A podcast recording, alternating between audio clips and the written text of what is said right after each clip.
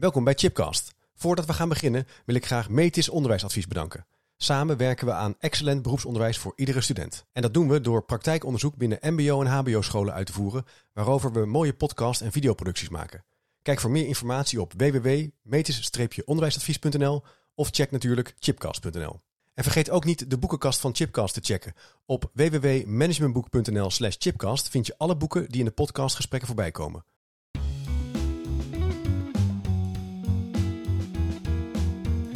Welkom bij een nieuwe aflevering van Chipcast. Een podcastserie waarin ik op zoek ga naar verrassende antwoorden en nieuwe perspectieven op vragen die mij bezighouden.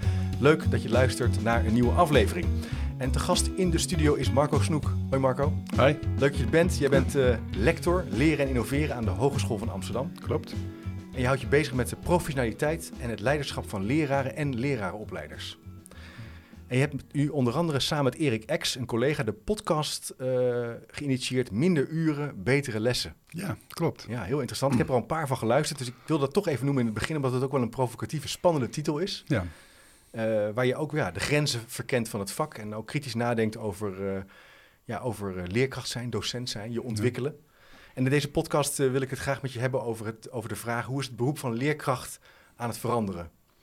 Ja. Je zei al in de voorbereiding, ja, er is van alles over te zeggen. Ik ja. kan daar van alles over uh, ja, beantwoorden. Maar um, nou, laten we aan de hand van een aantal ja, mooie en interessante publicaties daar gewoon over van gedachten wisselen. Um, dus dat is een beetje de aanleiding, hè Marco. Maar misschien even ter introductie, hoe ben jij zo in het onderwijs uh, terechtgekomen? Zou je ons eens kunnen meenemen naar, uh, naar hoe dat is begonnen? Ja, nou, ik, ik, um, ik heb natuurkunde gestudeerd. Oh, kijk. En... Um, ik liep eigenlijk aan tegen het feit dat um, dat zo ontzettend specialistisch werd. Um, dat je nou eigenlijk uh, dagenlang aan het rekenen was en met een computer bezig was en dergelijke. En dan aan het eind kon je dan zien van hé, hey, ik heb de, aan de hand van een spectra kon kan je iets zeggen over uh, de leeftijd van een ster of uh, een vervalpatroon van een atoom, een waterstofatoom of iets dergelijks. En ja, dat, langzamerhand begon ik een beetje mijn passie voor natuurkunde te, te verliezen. Ja. Toen ik ermee startte, toen had ik nog zoiets van, nou, een soort, soort magie met relativiteitstheorie, kwantummechanica. Ja. Maar eigenlijk werd het gewoon ontzettend veel wiskunde. Uh, ja. En was ik bezig met thema's waarvan ik het gevoel had van, ja, ik kan niemand meer uitleggen waar dit over gaat. Super specialistisch. Ja, ja, ja. En, en ik vond het eigenlijk juist leuk om met ja, die magie van die natuurkunde weer bezig te zijn en met anderen daarover te kunnen praten. En dat heeft voor mij toen ertoe geleid dat ik gekozen heb om als hoofdvak uh, natuurkunde didactiek te kiezen. Dat kon eigenlijk helemaal niet. Ik moest speciaal bij de examencommissie moest ik toestemming vragen om dat vak als uh, dat, dat thema als hoofdvak te, te, kiezen. Nou, de examencommissie heeft toestemming verleend met de kanttekening dat ik dan alleen nog maar geschikt zou zijn voor het onderwijs. nou, en zie hier, daar zit ik. Zo gebeurt. Ja. Oh, en, uh, nou, ik heb toen dus dat, dat als hoofd, hoofdthema genomen. Ja. Um, en uh, ben als studentenassistent bij uh, ja, de, de, de, de, universitaire leraaropleiding destijds uh, be, verbonden geweest. Ja. ik heb een lerarenopleiding gedaan destijds. Dat was een viermaands opleiding. dan kreeg je eerste graad bevoegdheid. Waar ik stage gelopen heb op mijn oude middelbare school. Um, en daarna ben ik begonnen met de leraaropleiding, want daar was op dat moment een vacature. Dus Ja. ik ben zo'n leraaropleider geweest die zelf nooit voor de klas heeft gestaan, behalve dan één maandje gedurende mijn uh, lerarenopleiding. Goh. Dus uh, nou ja, zo, zo is het begonnen. Zo is het begonnen. En waar studeerde begonnen. jij? uh, waar heb je gestudeerd? In Eh, Amsterdam? Ja, Ook aan toen? de Vrije Universiteit. Aan de Vrije Universiteit. Ja, ja, ja. ja. En didactiek en natuurkunde, dat is een interessante zo combinatie. Hoe je langzaam dus ook...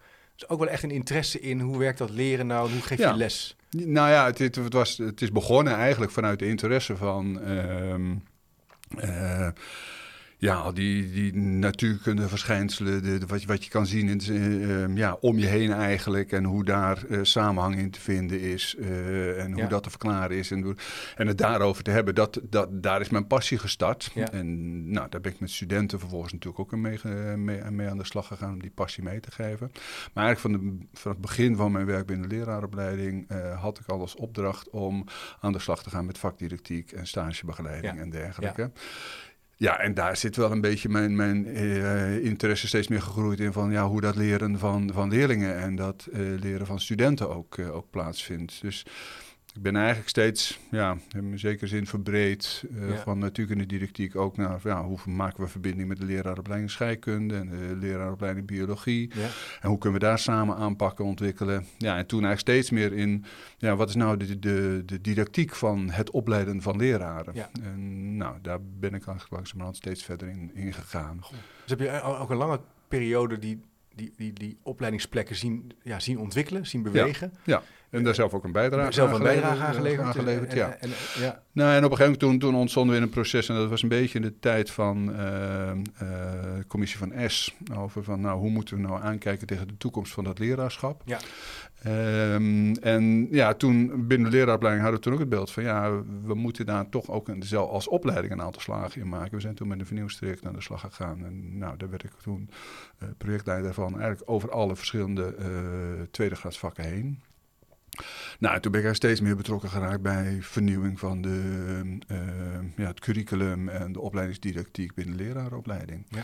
En nou, binnen de, ik ben destijds ge- gestart bij de Hogeschool Holland, later in Ja. Holland. Ja. Eh, maar ook steeds meer in landelijke overleggen met de, ja, de overleg van de directeuren eh, van de tweede graads leraaropleiding ADEF ondersteund. Oh ja. Bezig met projecten rond invoering van portfolio en assessment landelijk Ja. Ontwikkelen van de bekwaamheidseisen. Eh, nou, en toen op een gegeven moment ontstond de mogelijkheid van eh, eh, met de, de, de invoering van het bachelor-master structuur. Ja, wat zijn eigenlijk, hm, ja, wat willen we eigenlijk, wat is onze ambitie ten aanzien van masteropleidingen voor leraren? En nou, dat, dat was een moment dat ik iets had van ja, ik zie in het onderwijs zie ik eigenlijk dat leraren ehm, ja, mogelijkheden hebben om zich te ontwikkelen. Mhm, Maar mhm. eigenlijk beperkt dat zich tot het feit dat je als leraar een directeursfunctie zou kunnen, eh, kunnen Ja, krijgen. En ja. ook, ook als je nu met studenten praat van nou, hoe zie je je ontwikkeling in dat beroep? Van nou ja, misschien dat ik later eh, eh, directeur, schooldirecteur word of iets dergelijks. Dat was eigenlijk het, ene, het, enige beeld wat mensen hebben aan ontwikkeling.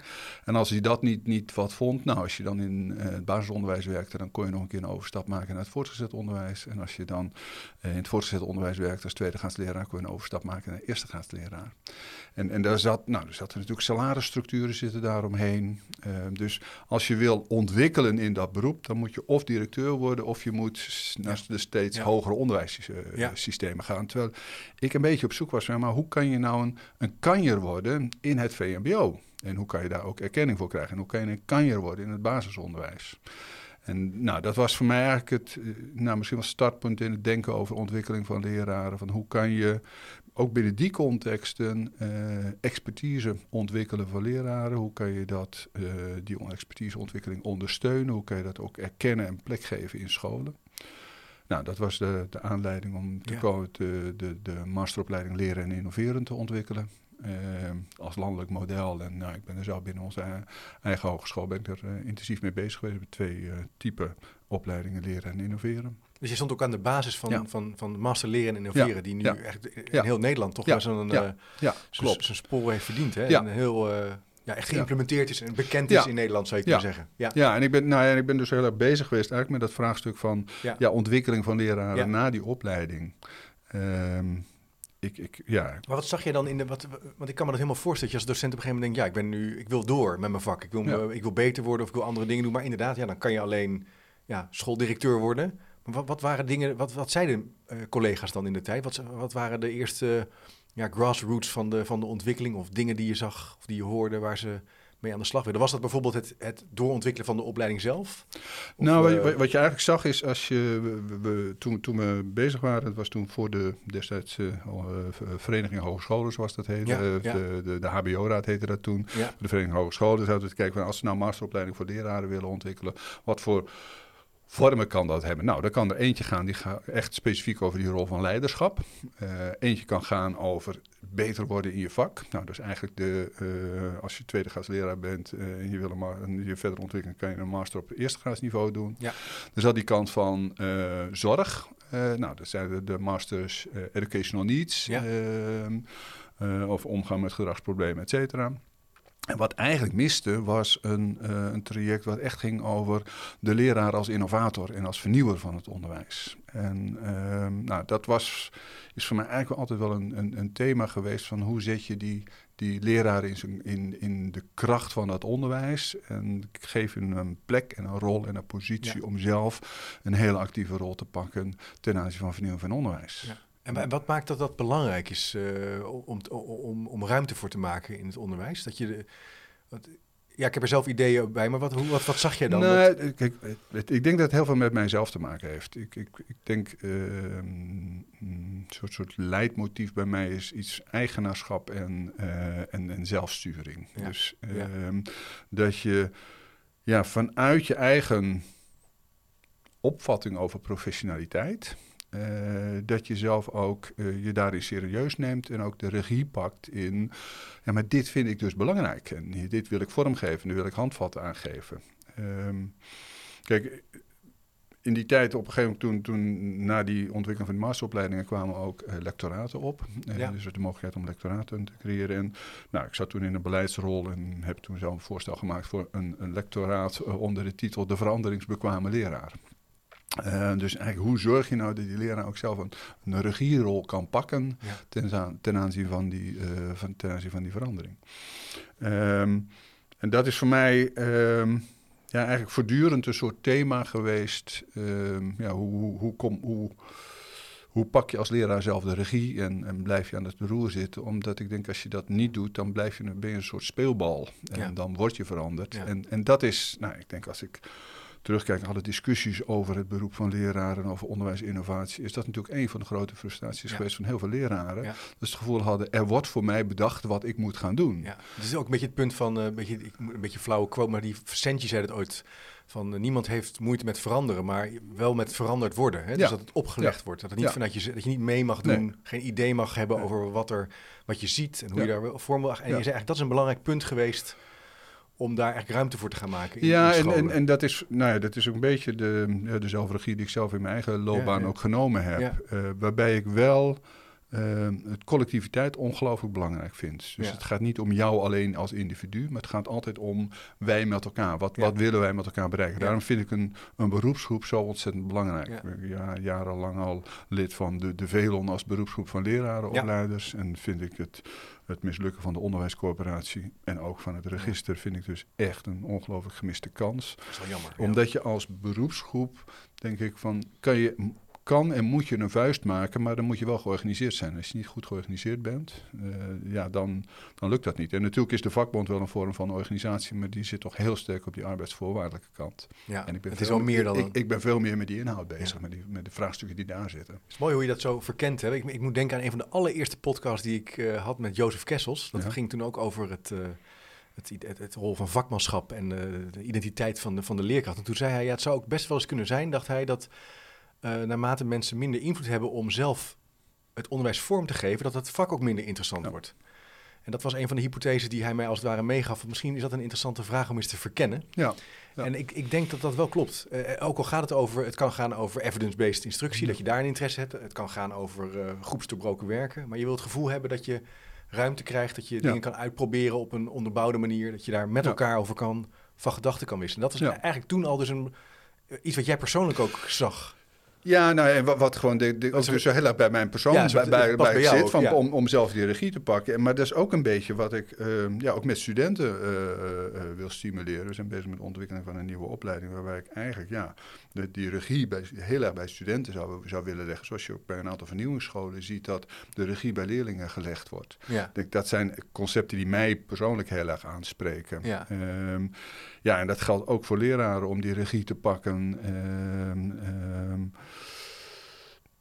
en tegelijkertijd ja, wel in een, in een collectiviteit. Ja. Dus dat je ja. dat niet in je eentje doet. Ja. En, en dat, dat vraagt dus ook ja, dat je bewust bent van het feit dat je onderdeel bent van een team. Dat er sprake is van een professionele dialoog met elkaar waar je, uh, waar je dingen in, in doet.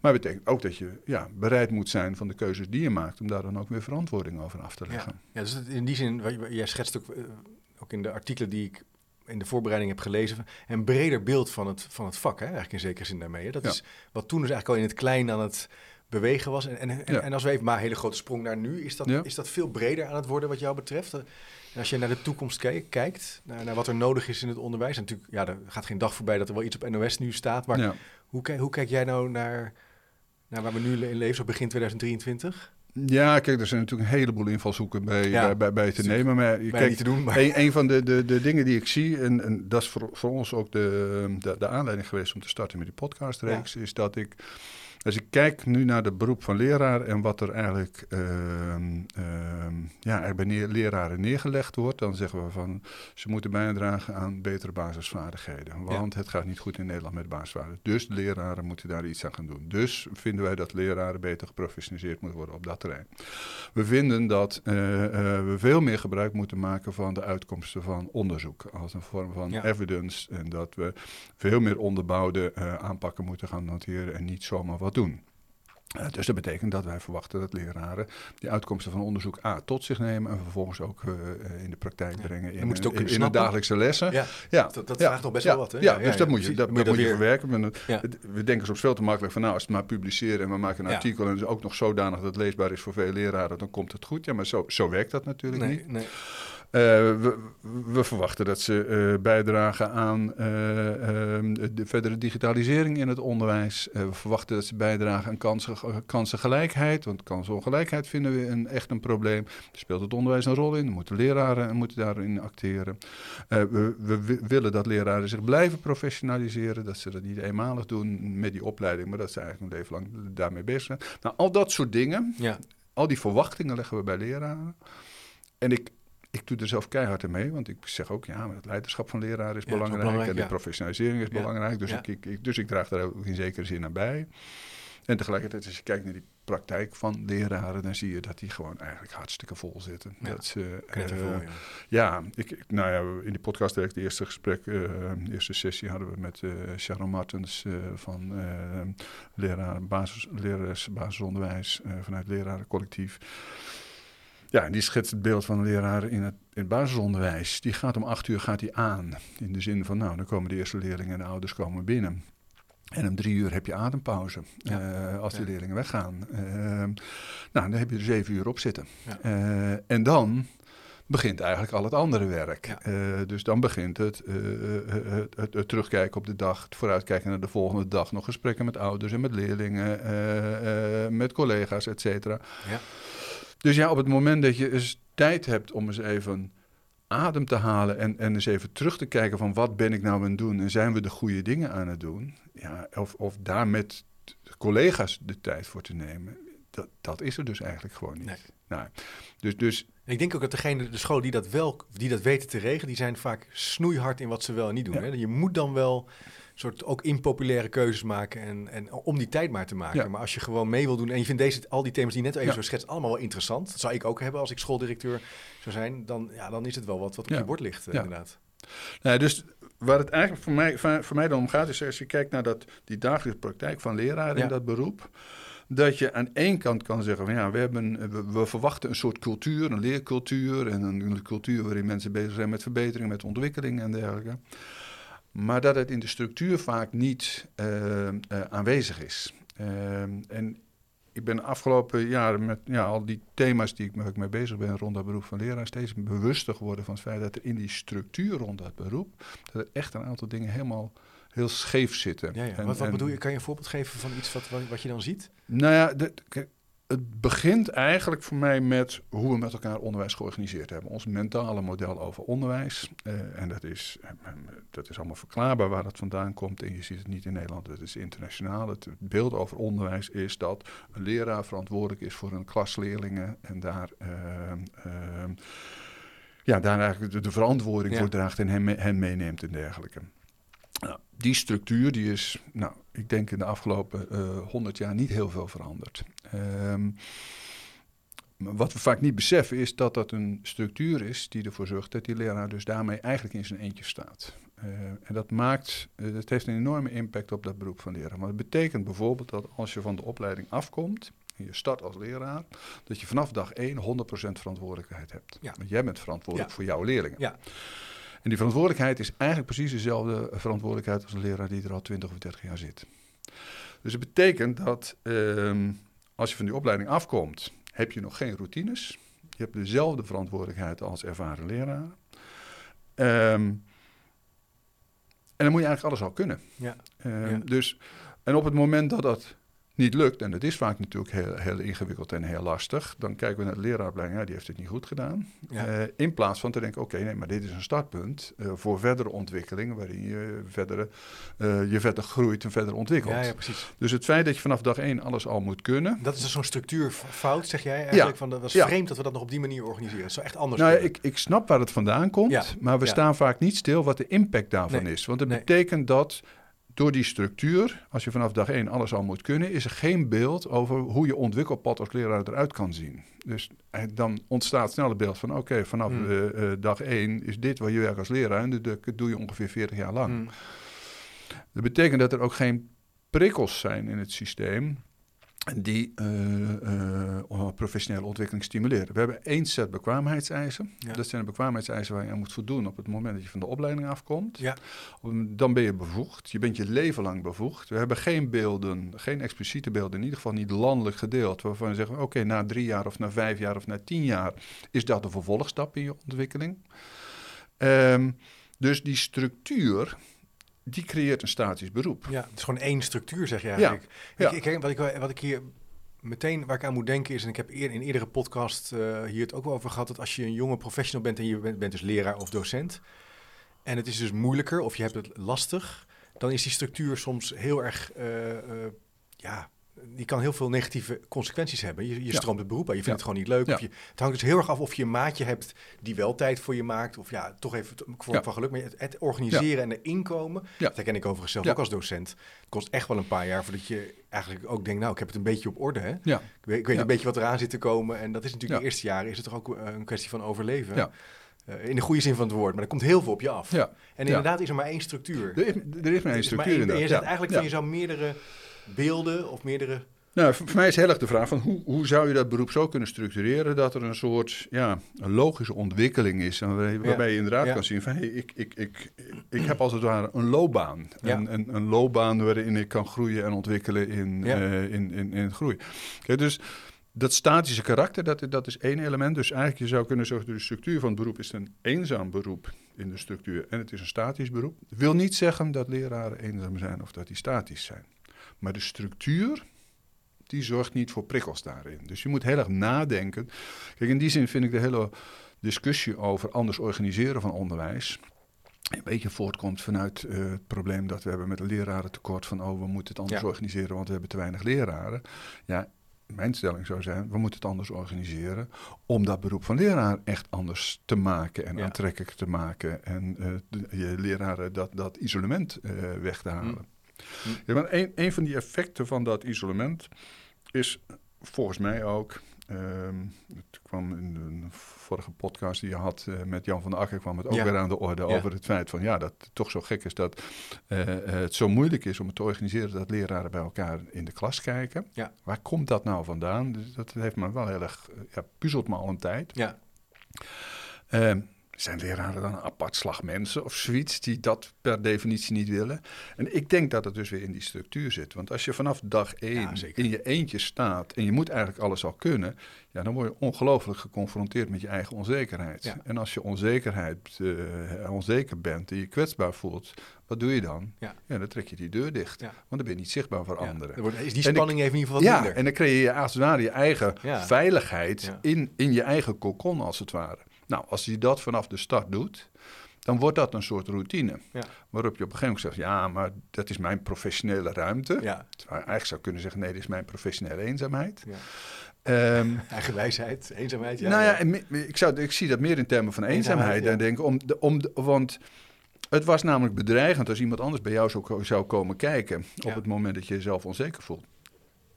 En op een gegeven moment vinden docenten dat dus nog steeds eh, eh, bedreigend. Dus ja, niemand is ooit in een klas geweest. En als er dan wel iemand gaan kijken, ja, dan wordt het plotseling wordt het wel Ja, helemaal zichtbaar wat je aan Maar dit speelt bent. overigens ook, ik geef dan les op de universiteit, op universiteiten ook een hele grote rol. Er komen maar heel weinig mensen bij elkaar kijken. Maar dat is hoe- dezelfde, leuk- stru- dezelfde structuur, structuur, natuurlijk. Je wel staat in je, aan je eentje, ben je verantwoordelijk Ja, voor, Voor die, ja, de voor- colleges die je geeft. Voor die cursus. En daarnaast heb je je onderzoek en, je, en je, nou ja, je, je artikelen en de, de, de voorstellen die je moet schrijven om weer eh, toch ook financieel onderzoek te kunnen doen.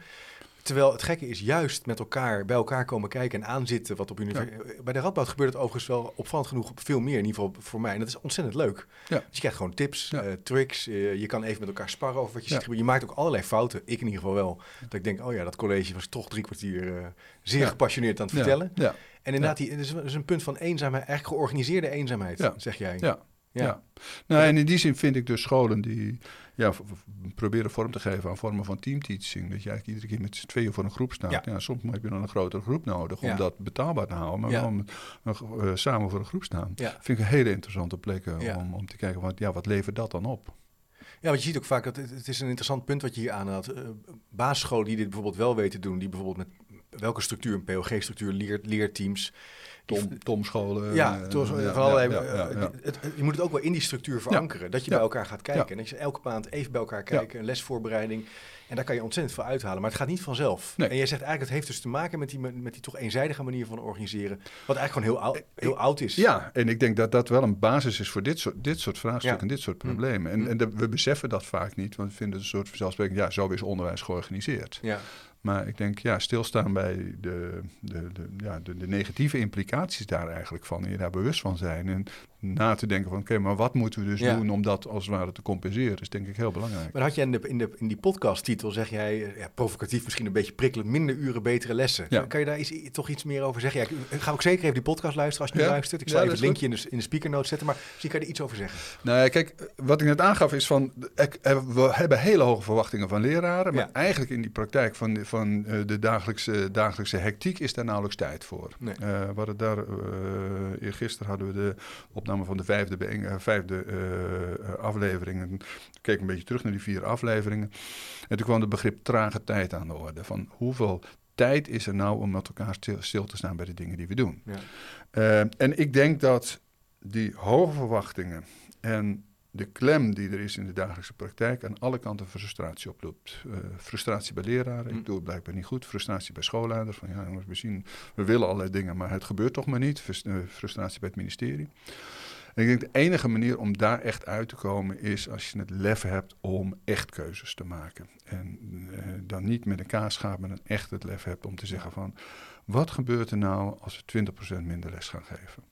We hebben een lerarentekort. Ehm, dus dat betekent ook dat de leerlingen 20% minder les zullen krijgen, wellicht. Ja, misschien kan je het in andere vormen kan, Ja. Kan- ja. kan bedenken. Dat gaan, willen we ook nog wel verkennen in de, in de podcastreeks. Wat gebeurt er nou als we 20% minder les gaan geven? Nederland heeft het hoogste aantal lesuren eh, in, eh, in Europa zo'n beetje. Eh, leraren hebben het hoogste aantal lesuren en leerlingen hebben het hoogste aantal lesuren. Maar we presteren niet het, het hoogst. Ehm, dus misschien is er wel wat ruimte om te zeggen, nou, we zouden best wel wat minder les kunnen geven. Nou, dat roept gelijk allerlei vragen op. Van, Ja. ja. maar wat betekent dat dan voor leeruitkomsten? En kunnen we het curriculum dan nog wat dekken en Ja. dergelijke? En eigenlijk onze stelling is van, het gaat niet om minder lesgeven sec. Het gaat om het creëren van ruimte om samen met collega's na te denken over je onderwijs en onderwijsverbetering. En dat is ehm, eh, eigenlijk de, de, de, de focus van, het, eh, van de podcastreeks. Maar Wat gebeurt er nou als we minder lesuren, eh, eh, eh, 10, 20 procent minder les gaan geven, minder lesuren hebben voor leer- leraren, en die tijd gebruiken om samen met collega's beter onderwijs te Hm, organiseren. hm, hm. Want uiteindelijk, leerresultaten worden voor een klein stukje bepaald door het aantal lesuren, maar voor een veel groter stuk door de kwaliteit van die les. Nou, als je die kwaliteit omhoog wil hebben, dan moet er ontwikkeltijd zijn. Ja. En worden de leraren niet, heel- docenten niet heel zenuwachtig van dit soort eh podcasttitels? Dat ze denken van, eh, ja, de kwaliteit en... eh, ja, wat, wat, gaan die, wat gaan die leerlingen dan doen? Nou ja, of- of- kijk, waar, loop je dan waar loop je tegenaan in dit soort, als je hier met mensen over praat? Ja, ik hoor, ik hoor eigenlijk twee dingen. De, Ja, de, de, de ja. ene is dat, dat, dat we horen dat een, een herkenning van ja, maar we hebben inderdaad helemaal geen tijd om, om met elkaar aan de slag te gaan. En dat zou wel heel fijn zijn om die tijd te hebben. Eh, dus een hele eh, herkenning van eh, het, het vraagstuk en de noodzaak om daarin op in te grijpen. En aan de andere kant is er zorg, met name voor eh, leraren die te maken hebben met de kwetsbare leerlingen. Ja. We hebben nou, Debbie Dussel, een leraar in, Ja. in, in Amsterdam Zuidoost. Ja, die echt, echt met die vraag zit van ja, maar wat betekent dat voor mijn leerlingen? Dus er zit een soort Ja. commitment en passie van leraren natuurlijk heel sterk bij die leerlingen. Nou, daar hadden we het gisteren in de, de, de vijfde aflevering ook over. Eigenlijk van ja, we, we, vin- we, we vinden dat we allemaal zoveel moeten. En we vinden dat zo ontzettend belangrijk, want we voelen zo ons zo verantwoordelijk. Maar als je niet zelf de tijd neemt om jezelf als het ware te onderhouden en zelf na te denken over ja, ontwikkeling en verbetering en de vraag van zijn we met elkaar nog de goede dingen aan het doen, dan loop je het risico dat je eigenlijk voortdurend Mm. in een soort ja, een red race eh, Ja. blijft zitten van korte termijn acties. Ehm, terwijl ja, eigenlijk moet bewaken dat je ook als het ware die trage tijd hebt. Ja, ik En denk- dat- Ik moet heel erg denken aan ehm, twee, twee podcasts geleden heb ik met Joop Berdingen, eh, was hier te gast. We hebben het gehad over een boekje dat hij heeft geschreven over Cornelis Verhoeven, de Ja. onderwijsfilosoof. eh, die ook het, de traktaat over het spieken heeft geschreven. En, en, en, en zijn punt was dat er zo weinig tijd is bij kinderen voor stilte. En ook voor Ja. vertraging. En ook Ja. voor het ontvangen van onderwijs. Hij had er dus een, echt een, ook in taal een bepaalde beredenering over. Maar ik vond, het raakte me wel. Dat hij zei van, het zit helemaal vol. Ja. En wanneer kan je nog... Ja. En dat is misschien voor en dat geldt voor leer- leerlingen, precies, misschien maar wel- dat- voor leraren minstens zo Misschien hard. wel meer. Ja. Want als ik kijk naar het beroepsonderwijs, waar ik ook wel soms projecten doe, dan zie je soms als het eenmaal na die vakantie, dan begint het. Ja. En ehm, kijk, je kan, eh, kan van alles zeggen over docenten, maar er wordt wel hard, hard gewerkt. Er is van alles te doen. En mensen zijn ook s'avonds aan het nakijken. En helemaal in leidinggevende posities is het soms echt wel pittig. En, en eigenlijk de redenering die jij opbouwt, is dat je zegt, ja, zou je niet ruimte kunnen maken door dus anders te kijken naar je les, eh, je uren. Ja. Eigenlijk ook, hè? Ja. En, en dan, ja. Nou, oké, wat, een ja. prachtig voorbeeld van een, eh, een, een, een eh, SBO-school. Die eh, het op een gegeven moment zo georganiseerd hadden dat ze de woensdag gewoon helemaal vrijgeroosterd hadden. Ja, dus ik heb een vierdaagse schoolweek. Ja, ja en, en, en dat creëerde rust voor leerlingen. ja. Ehm, die eigenlijk, zeker in de, de, nou, de doelgroep die ze hadden van de, vanuit het SBO, vrijdag nauwelijks meer geconcentreerd aan de slag konden. Maar met die, die woensdag vrij, ook die vrijdag gewoon nog eh, actief aan de slag Ja. konden. Dus eigenlijk eh, eh, verloren ze niet eens zo ontzettend veel leertijd voor leerlingen. En waarbij de leraren met elkaar tijd hadden om stil te staan bij, oké, wat zijn we aan het doen? Wel spannend. Het is, ja, ik, ik kan me ook voorstellen dat je, in die zin is het de, de titel goed gekozen en het gesprek goed gekozen. Dit maakt natuurlijk allerlei impliciete opvattingen ook los over onderwijs. Waarvan je Ja. eigenlijk ook zegt van dat zijn eigenlijk structuren waar we wel met elkaar wat kritischer over mogen nadenken. Nou ja, kijk, en wat, wat mij een beetje ja, frustreert, of misschien wat de aanleiding is om, om het hierover te hebben, is dat we nou, al, al, al jaren het hebben over eh, vermindering van eh, onderwijstijd en, en het creëren van meer Ja. ruimte voor leraren. En eh, de Tweede Kamer heeft daar, eh, ik geloof zo'n acht jaar geleden, al een keer een, eh, eh, een motie over aangenomen. En het ministerie laat onderzoeken doen daarnaar. En eh, nou, er is een experiment over ruimte en onderwijstijd. Maar er gebeurt in de praktijk toch maar heel weinig. Nee. Omdat we allemaal zo bang zijn van, oh jee, kan dat wel? En eh, nou, dus we hopen eigenlijk Ja. ook met de podcastreeks en het verkennen van echt verschillende dilemma's die daarin zitten. Ja. Hopen we ja, ook een beetje een breekijzer te hebben in die discussie. En een ander punt is, eh, wat, wat misschien ook wel gaat over hetzelfde thema van breder kijken naar samenwerkingsstructuren, is het hele idee van regionaal samenwerken. Dat valt mij in ieder geval wel op dat je dat steeds sterker hoort, ook als je bij scholen komt. Hè. Dus die, Ja. het ecosysteem regionaal. Ja. Hoe, kan, jij daar iets, hoe, hoe kijk jij daarnaar, naar, dat soort, naar, naar die beweging om ook regionaal over de grenzen van scholen heen ja, samen te werken, interprofessioneel samenwerken, speelt er denk ik ook een, eh, is een belangrijk uitgangspunt. Kan, je- kan je er iets over zeggen? Nou ja, de, de manier waarop ik daarmee bezig ben, dat Ja? is dan even de, de regio Amsterdam. Ja. Ehm, ehm, kijk, wat, je, thema waar ik mee bezig ben is heel erg de, de vraag van hoe kan je leraar ondersteunen in een verdere professionele ontwikkeling. Ehm, vanuit die gedachte dat na de opleiding ben je niet klaar. Nee. Nou, wat zie je is dat, dat scholen langzamerhand steeds meer aandacht hebben voor inductieprogramma's, begeleidingsprogramma's voor startende leraren. Ehm, en ieder bestuur is dat als het ware zelf aan het ontwikkelen, want die verantwoordelijkheid ligt bij schoolbesturen. Nou, dat is op zich mooi, want dat betekent dat er eigenaarschap ontwikkeld wordt en dat het ingepast wordt in, in de Mhm. lokale systemen. Maar het betekent ook dat iedereen ongeveer het wiel moet uitvinden daarin. Ja. Nou, ik ben steeds meer bezig eigenlijk om, om ook verder te kijken naar die periode van inductie. Van wat, wat eh, is er daarna eigenlijk nog nodig? Want eh, ja, vier jaar opleiding. Twee, eh, als je naar een, een HBO-opleiding kijkt, je drie jaar inductie. Je hebt nog 40 jaar te gaan. Nou, is dat een soort zwart gat? Is dat een witte vlakte? Wat, wat gebeurt daar eigenlijk? Ja. Dus hoe kan je in die, die 40 jaar, hoe kan je daarin eh, dingen onder, de, de, eh, ja, een soort ondersteuning bieden en prikkels en handvatten bieden voor verdere ontwikkeling? Nou, dat is eigenlijk een verantwoordelijkheid die bij ieder schoolbestuur ligt om daarover na te denken. Omdat ik denk dat ehm, het is niet vanzelfsprekend dat de passie waarmee je van de opleiding afkomt, dat je die na 10 jaar nog hebt. Nee. Of na 20 jaar.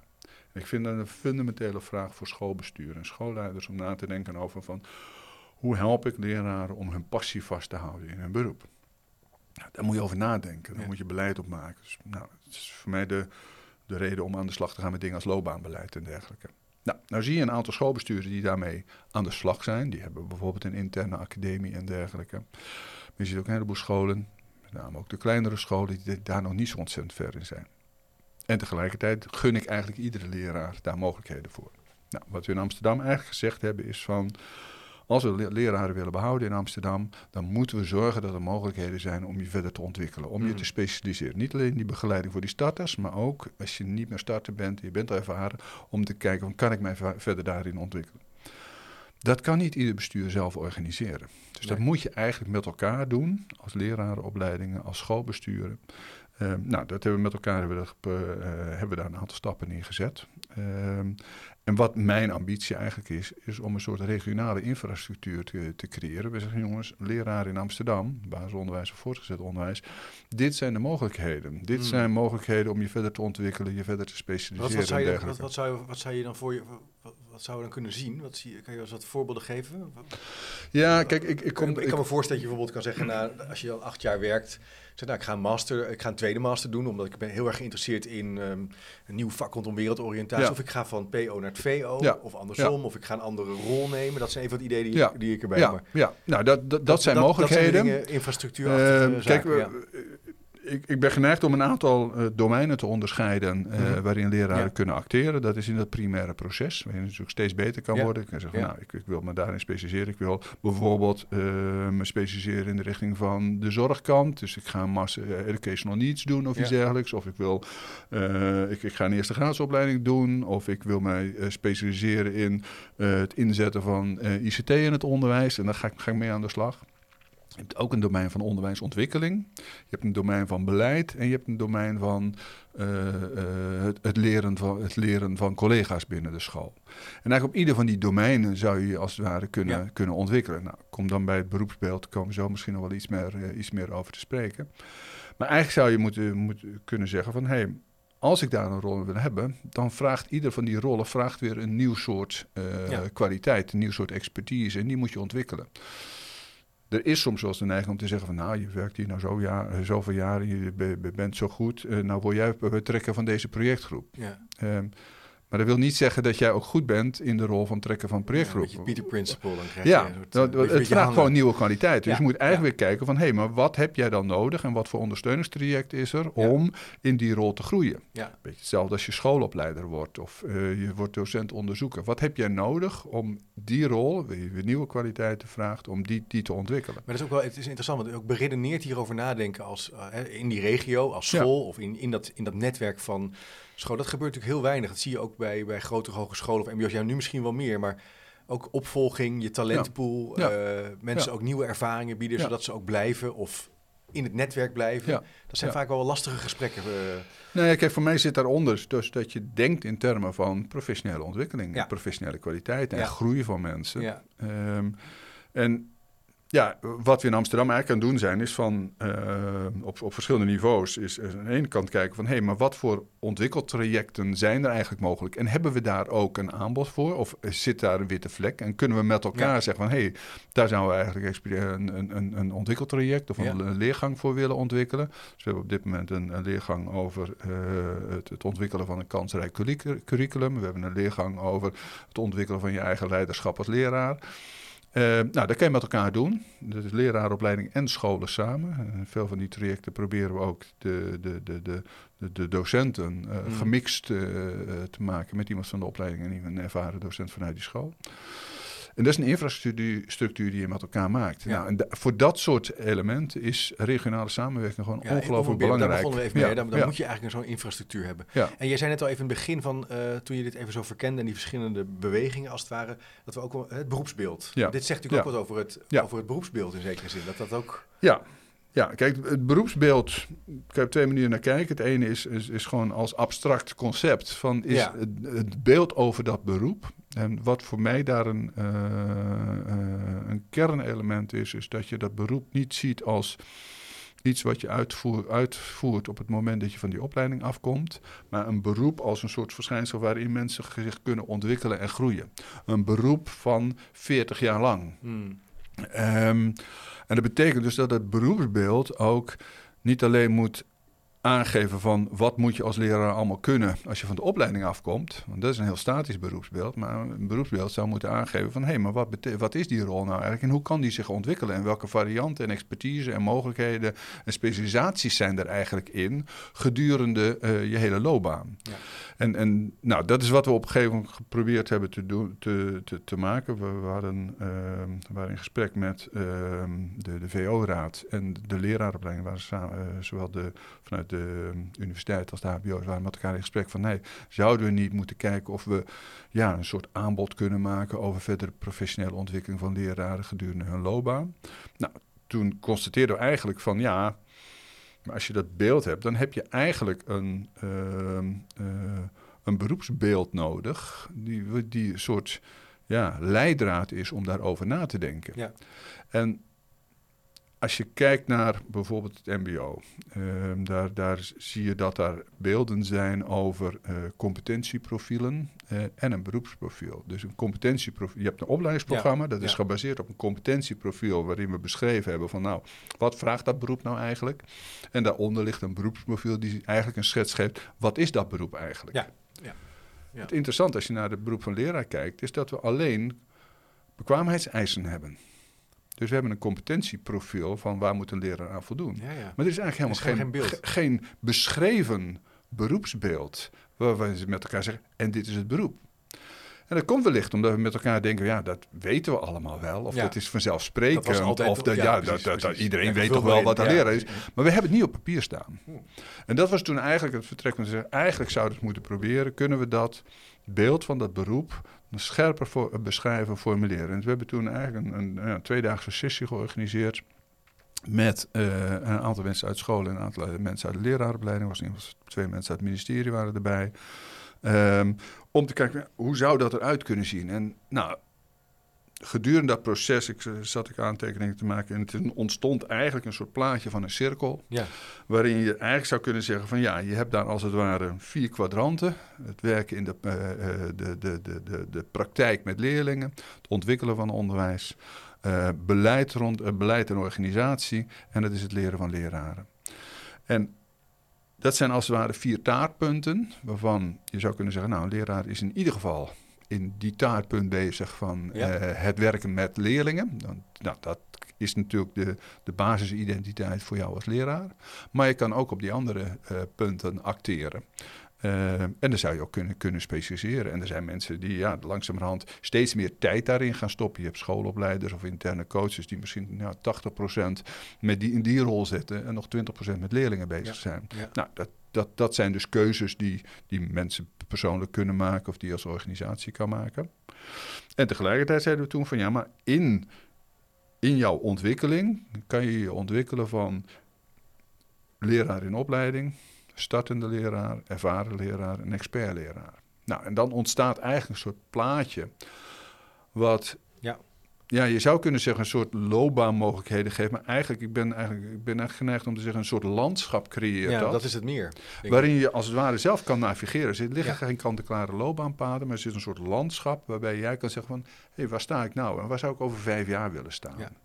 En dat geeft eigenlijk daarmee een antwoord op het idee van een leven lang in het onderwijs met energie en passie blijven werken. Dat betekent dat je verschillende domeinen kan ontwikkelen, kan ontplooien. Ja. Ik kan me voorstellen, het is heel interessant, want ik, ik heb ook nooit zo gerealiseerd dat er zo'n één vast uh, beeld is, structuur is bij het onderwijs eigenlijk. Dus dat vind ik ook interessant. En dat het beeld dus helemaal niet vast ligt, dat is dan ook wel weer maar ik kan me voorstellen dat mensen hierop reageren van... ja, maar gaan we, niet, gaan, gaan we dan niet allerlei mensen uit die klas weg? Dat zou, de, de, eh, dus nou, als de luisteraar nu denkt van... ja, maar hoe moet dat nou op mijn school? Hoe kijk jij daar tegenaan? Want die, nou, zou, die zou je vast wel eens een keer voor, voor je kiezen krijgen. Ja, oké. we, we, hebben twee, twee soorten reacties gekregen. Ah, de, de, ene is, is dat mensen het heel herkenbaar vonden... en ook een soort um, verlichting van... Ah, wacht even, dat beroep is breder dan, uh, en er zijn meer mogelijkheden en daar kan ik over nadenken. Dus het geeft mij een soort taal om daar voor mezelf over na te denken of met mijn leidinggevende of met collega's het gesprek over te voeren. Um, dus eh, het, het riep ook veel herkenning op. Ehm, wat er ook in zit, is dat, um, nou, we hebben ook wel weer voorbeelden gegeven in ieder van die, van die, hele, uh, uh, van die verschillende uh, mogelijkheden van wat voor soort rollen daarin zitten. Ja, dat het heel herkenbaar is. Want ja, ik kan allerlei voorbeelden geven van mensen die zich in een van die lijnen ontwikkeld hebben. En die zijn er gewoon. Dus het is ook helemaal niets nieuws eigenlijk, alleen je maakt het expliciet. Nou, dat is het ene type reacties van Ja, herkenning. ja. De andere eh, eh, eh, type reactie was inderdaad de vraag van ja, maar ehm, is het nou de bedoeling dat leraren niet zozeer uit dat, ja, die, dat, dat kwadrant of die, die taartpunt van het werken met leerlingen, dat die andere domeinen gaan doen? Want we hebben mensen toch in de klas nodig. Nou, ik denk veel leraren, als je die goed vraagt van waar zit jouw passie, dan is dat in het werken met leerlingen. Dus die juist in dat kwadrant van het werken met leerlingen, daar zullen heel veel leraren zeggen: ja, maar dit is voor mij de kern van mijn werk. Prima. Wat wel de vraag is, is van wat voor ontwikkelperspectief ervaar je om dat met passie te kunnen blijven doen? Ja. En een van die uh, ontwikkelperspectieven is te zeggen: hé, hey, maar ik, wil, ik, ik groei daarin, ik word daar steeds beter in. Uh, maar dan is het ook wel fijn als dat erkend wordt dat je daar steeds beter in wordt. En de mechanismen die we Ja, hebben precies. om dat te erkennen, die zijn niet zo ontzettend ontwikkeld. Ja, we kennen een LB of een LC of een Ja, LD-schaal. Maar de vraag is of dat nou echt gaat over het feit dat je gewoon een kanjer bent in het werken met leerlingen, het motiveren van leerlingen of in het geven van formatieve feedback. Of dat er dan toch weer naar hele andere mechanismen gekeken wordt. Ja. Dus eigenlijk gaat het voor mij meer over de vraag van ja, waarom willen leraren soms andere rollen pakken? Eh, ja, misschien ook wel omdat ze het gevoel hebben onvoldoende erkenning te krijgen in hun expertrol als, als leraar. Ja. Dus het daagt ook uit om dus na te denken over, ja, als leraren groeien en ontwikkelen, hoe zien we dat dan eigenlijk? En, Ja. en hoe, hoe, hoe eh, waarderen we dat Ja, eigenlijk? Zou punt zou ook kunnen zijn dat ons systeem eigenlijk zo, zo is ingericht dat we in het huidige systeem juist mensen uit het onderwijs duwen. En misschien wel dat dit meer richting en ruimte geeft om verantwoordelijkheid te nemen over je eigen leren, je passie te volgen, onderbouwd na te denken over je vak. Dat kan als, als, als co-onderzoeker zijn, het kan een leerteam zijn, het kan ook gewoon voor de klas blijven Ja, zijn. ja. En dat dat een soort, land, een soort ecologisch landschap is om op lange termijn eh, te blijven leren en te blijven ontwikkelen in en rondom de school eigenlijk. Ja, ik denk het wel. En, en nou ja, goed, je, je vroeg even van hoe zie jij dat beroep van leraar ontwikkelen? Ja. Ehm, ik was in contact met een, eh, een HR-directeur van een eh, groot schoolbestuur in primair onderwijs in eh, Rotterdam. Ehm, en kijk, die gaf op een gegeven moment aan van ja, als je nu kijkt wat wij verwachten van leraren, eh, zeker in het basisonderwijs, met al die vraagstukken die er leven, dan betekent dat ze eigenlijk op al die thema's moeten ze expert zijn. Op het terrein van het gebruik van ICT, op het Ja. terrein van eh, taal en van rekenen. En dan vinden we nog dat ze niet genoeg hebben, dan moeten ze, en dan komt er burgerschap bij. En, nou, al die thema's en kansengelijkheid, et cetera. Het is gewoon niet te doen op, op- om, om op al die thema's expert te zijn. Nee.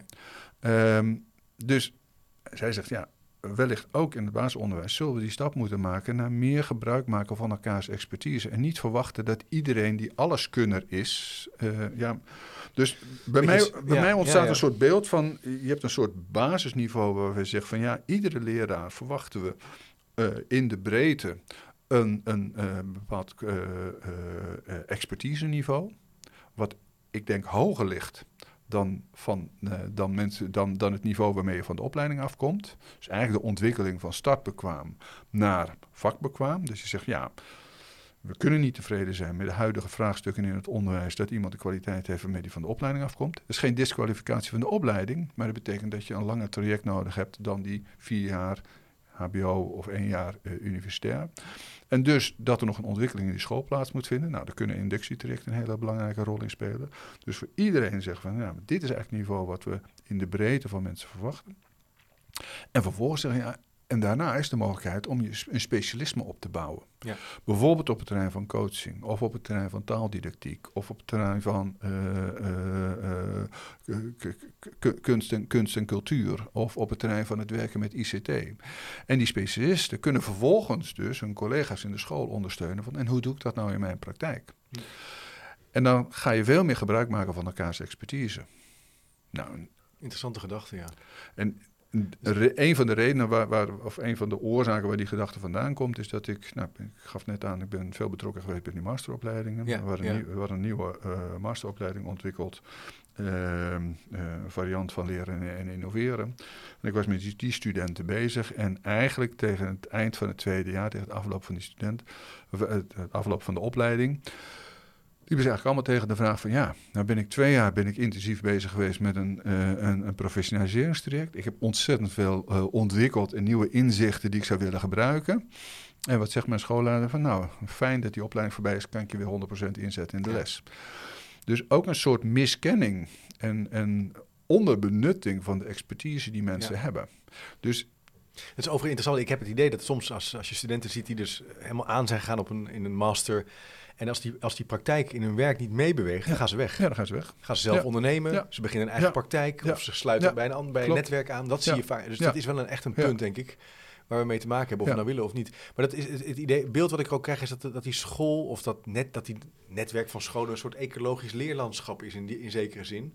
Het gaat allemaal over onderwijs en hè, jongeren wat leren, maar dat er eigenlijk ruimte ontstaat om over je vak na te denken en over de Ja. ontwikkeling na te Ja. denken. Nou, en, en dat is dus precies wat ik bedoel van je hebt dus een andere manier nodig om te Ja. kijken tegen dat beroep van leraar, die structuur in die school, wat nodig is om ja, die, die, ja, die ontwikkelruimte te creëren, maar ook eh, gebruik te maken van passies en expertise van Ja. mensen. Dus het vraagt een andere manier om na te denken over je, je En onderwijsorganisatie. ben je positief over het onderwijs? Eh, als je zo, eh, dit zo schetst, ben je hoopvol over waar we naartoe gaan? Ja, ik, ik, ik, ik, ik ben er dubbel in. Ik, ik zie een aantal scholen. Ben, we zijn bezig met een eh werk nou samen met een aantal vernieuwingsscholen in Amsterdam. Eh, gezegend met een groot aantal scholen die echt proberen het heel anders te doen. Ik vind dat hele spannende plekken. En ik zie ook wel dat het een worsteling is iedere keer. Ehm, maar die proberen echt op een andere manier daar vorm aan te geven. Eh, en op een andere manier ja, dat beroep van leraar en ook de, de, or- de organisatie van het onderwijs vorm te geven. Ehm, en tegelijkertijd zie ik ook soms wel ja, toch voortdurend weer de neiging van... oh jee, we moeten er wel grip op houden. En eh, Ja. we moeten het controleren en borgen en dergelijke. Ja. Waarmee je eigenlijk ja, die, die, die speelruimte haast weer doodslaat. Ja. Ehm, dus, dus dat vind ik wel een hele spannende. De aloude spanning tussen eh, vertrouwen versus controleren. Ja. Een beetje de paradox. Ja. Ja, Ja. ja. Ja. dat is af en toe... ik- Toevallig, ja, Boonstra was hier, eh, hoogleraar verandermanagement. Die had een interessant punt. Die zei, ja, het is ook... eh, het, is, het, is, het is geen tegenstelling. Het, het zou allebei Klopt. moeten kunnen Ja. werken. En Ja. ook wel moeten, Ja. moeten werken met, publiek, met publiek geld. En, Ja. Dus dat is, maar het is natuurlijk wel... Vernieuwing heeft soms een, heeft andere ruimte nodig. Hè? Vernieuwing verhoudt zich niet zo goed tot Nee. controle. Controle wint het dan natuurlijk vaak.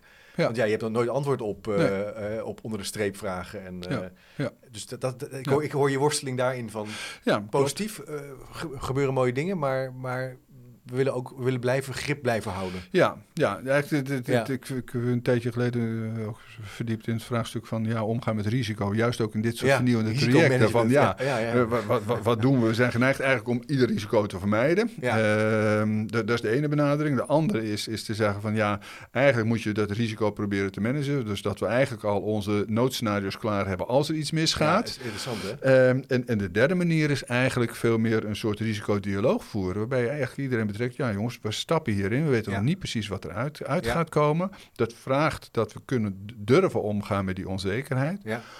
Maar laten we wel voortdurend de vinger aan de pols houden. Niet om te zeggen, oh help, eh, terug naar af. Maar wel te kijken van hoe gaan we daarmee om. Dus ik, ik, Ehm, moet- ik, ik vind het zo interessant wat je zegt, want ik, ik ben nu toevallig een, eh, een, ehm, een, een dag aan het voorbereiden waar een college beleidsplan rondom een nieuwe, wa- nieuwe beleidswaarde in een onderwijsinstelling worden gepresenteerd. Daar gaan we een soort talkshow voor Ja. organiseren. En ehm, wat ik nou zo leuk vind is, eh, dat is eigenlijk gewoon een gesprek. Ik zeg, laten we gewoon met elkaar in gesprek gaan, laten we een paar Ja. mensen aan tafel. Ja. En dan zie je ook toch, de, de neiging is, nou, een leuk idee, maar er moet toch even wel worden Ja. uitgewerkt, wat zijn de punten. En op een gegeven moment zei ik, ja, het zijn- zitten ook allemaal vakmensen aan tafel. Die hebben een goed verhaal. Laten we drie, vier thema's, hè, en, eh, en meer niet. En dan zie je ook toch dat dat ongemakkelijk is. Er zitten mensen bij. Maar wat leuk was aan ons gesprek, jij zei vooraf, nou, we hebben een A4'tje. Ik zei, nou, het is gewoon een gesprek. Kom maar op, we gaan het gewoon voeren. Je moet ook een beetje vertrouwen soms, hè. Dat is ook vertrouwen. Vertrouwen dat je weet waar je het over hebt. Dat je een goed gesprek ervan kan maken. En, En dat is in, in het onderwijs bij vernieuwing vaak wel heel ingewikkeld. Nee, en dat heeft ook iets te maken met de, ja, de, de patronen waar we in Ja, zitten. ja, Er zit iets van structuren, maar er zit ook een soort patronen in, in, Zo in, noemen we dat in, in, organisaties. Ja, Patronen over leiderschap bijvoorbeeld. Kijk, we zitten nu zelf zitten we in een vernieuwsproces en alle leraaropleidingen zitten in vernieuwsprocessen ten aanzien van flexibilisering van opleidingen. Ja, werken met leeruitkomsten, kan dat dan en hoe dan? En eh, moeten we dat nou over opleidingen heen doen? En kunnen we ons eigen ei dan nog wel kwijt en dergelijke? Dus dat, dat, is een, een proces waar ja, we met elkaar zeggen: oké, die kant willen we op, maar we weten niet precies hoe. Dat moeten we met elkaar inkleuren. Ja, en daar vallen mij een paar dingen op. En de, de ene is dat eh, ja, de ontwikkelgroep zegt: ja, maar wat zijn de kaders?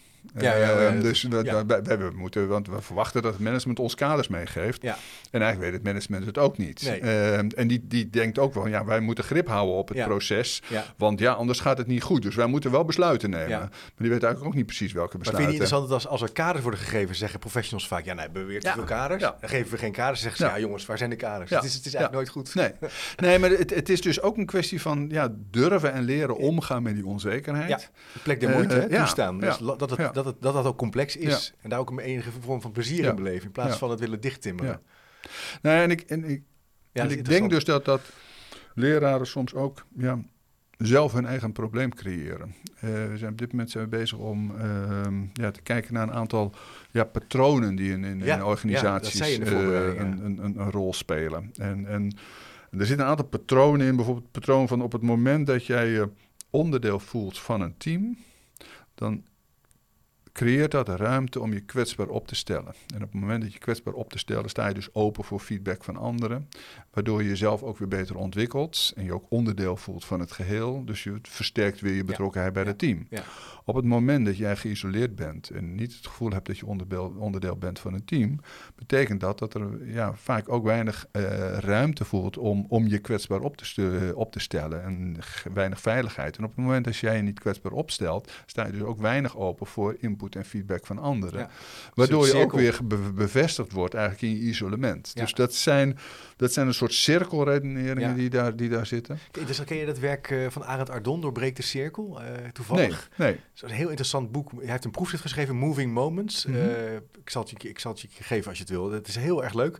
Waarin hij besluitvormingsprocessen op bestuurlijk niveau heeft Ja. geobserveerd. En een beetje op basis van het werk van Chris Argyris en. Schön over dat dubbel loop en single Ja. loop leren. En eh, hij heeft daar een handelseditie van geschreven, Doorbreek de Cirkel. En dat gaat eigenlijk over hoe we dit, dit soort, in dit soort cirkeltjes zitten. Ja. Dus eh, een leider wil graag meer initiatief Ja. van zijn team. Die Ja. gaat dan zeggen, nou, het zou wel leuk zijn. Ik maak altijd de agenda. Ja. Waarom maken jullie de agenda niet? Nou, dan zit iedereen te kijken van, nou ja, hij, hij wil blijkbaar dat we initiatief nemen. Dat werkt hij dan keurig uit. Ik wacht maar even af. Of ik noem iets, maar niet te veel. En eh, vervolgens gebeurt het niet. En die manager denkt, ja, hallo, het gebeurt weer niet. En die gaat nog meer knijpen. Nou. En hij zegt, het zijn eigenlijk doorbreekt cirkels, zijn eigenlijk patronen. Maar ook wat leiders de neiging hebben om te doen, is foto's maken waar ze niet op staan.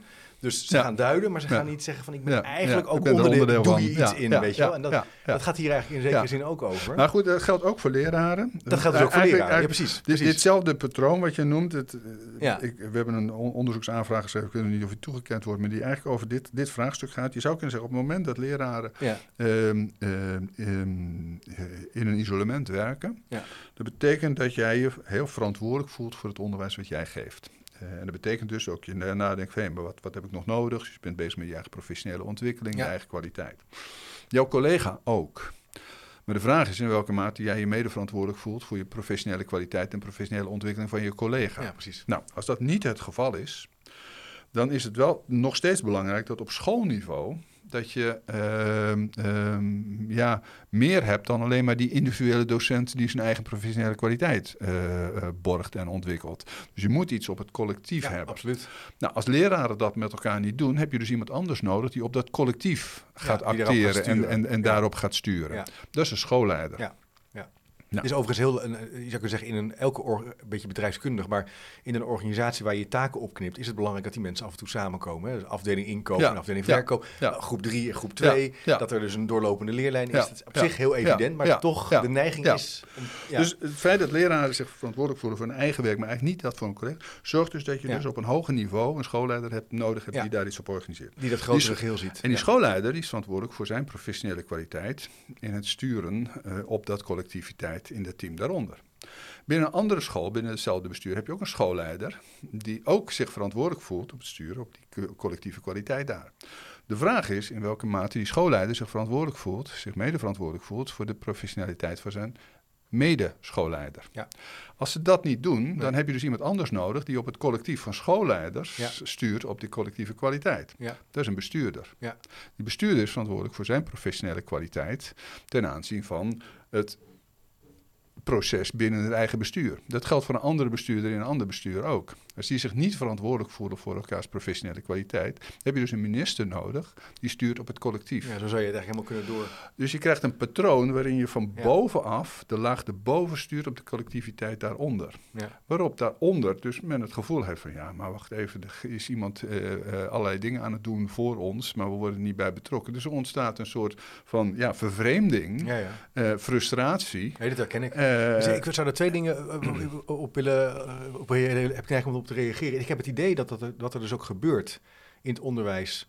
Dat we dus daarmee ook het leren steeds verder bij die leerling zijn gaan houden. Dat is een soort hypothese die ik heb. Hè. Leerlingen mhm. worden in grote mate verantwoordelijk gemaakt voor hun eigen leren. Al echt van hele jonge leeftijd. Dat heeft ook iets te maken met het gebrek aan verantwoordelijkheid die in die keten uh, zit. Dat is zeg maar een eerste interessant punt waar ik nog wat meer mhm. over wil, uh, wil gaan uitzoeken dit jaar.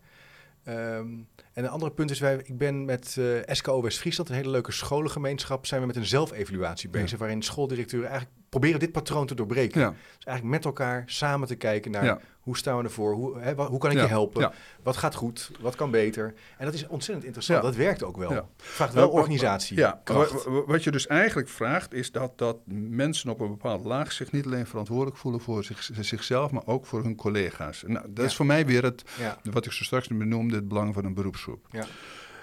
Dan kan je ook nog het systeem krijgen dat vervolgens, ja, dat die leraren zich met elkaar verantwoordelijk voelen.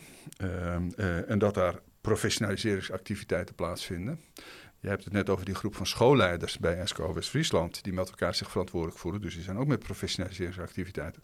En die bestuurders zijn ook weer bezig met professionaliseringsactiviteiten, met bijeenkomsten van de VO-raad en bestuurlijke netwerk. Dat betekent dus dat in een school heel gescheiden professionaliseringscircuits gaan ontstaan van bestuurders, los van schoolleiders, los van leraren. En die komen elkaar maar heel weinig tegen in gezamenlijke professionaliseringsactiviteiten. Het effect, wat mij eigenlijk ont, uh, iedere keer weer fascineert, is hoe vaak ik leraren hoor mopperen over hun leidinggevende. Ja. In plaats van dat ze zeggen van, hé, hey, ik zie iemand die uh, misschien suboptimaal functioneert. Die heeft waarschijnlijk een leervraag. Wat kan ik eraan doen om, te, om, om, die, die, om, die, om die leidinggevende ja. te ondersteunen? Dus er is een soort van zelfsprekendheid dat sturing van boven naar beneden gaat. Maar sturing van beneden naar boven, waarbij je als leraar met een zekere empathie naar je schoolleider kijkt van... Goh, kan ik jou helpen? Dat gebeurt niet. We zijn vooral aan het mopperen op die schoolleider.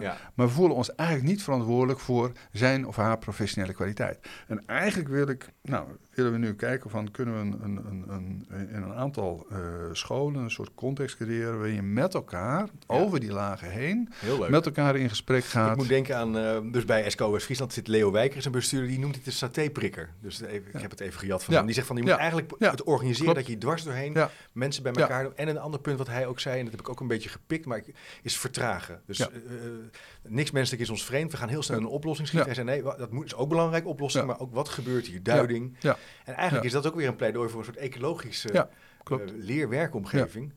Ja, nou dus als je het hebt over nou, welke ontwikkeling zie je in dat beroep. Ja.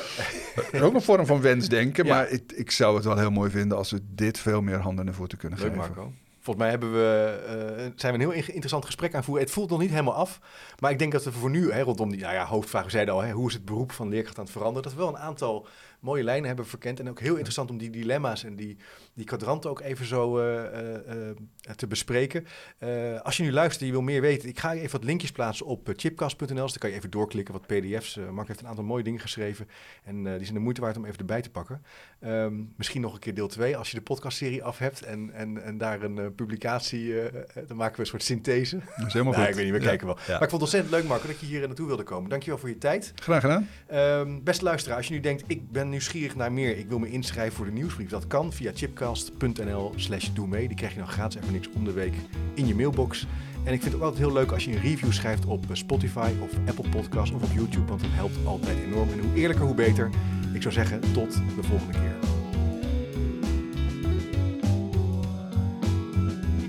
Nieuwsgierig naar meer? Abonneer je op de nieuwsbrief en je mist niks. Ga naar www.chipcast.nl slash doe mee. Wist je dat er op chipcast.nl meer dan 200 afleveringen over onderwijs, samenwerken, innovatie, verbetermanagement, leiderschap, organisatieverandering en filosofie te vinden zijn? Blij met deze podcast? Je helpt Chip enorm met een review of recensie op Spotify of Apple Podcast. Je kunt trouwens alle gesprekken op YouTube bekijken. En vergeet je dan niet te abonneren. Tot slot nog even dit. Managementboek heeft ook een podcast, De Boekenpraktijk, over managementboeken. Check ook deze podcast via je favoriete podcast app.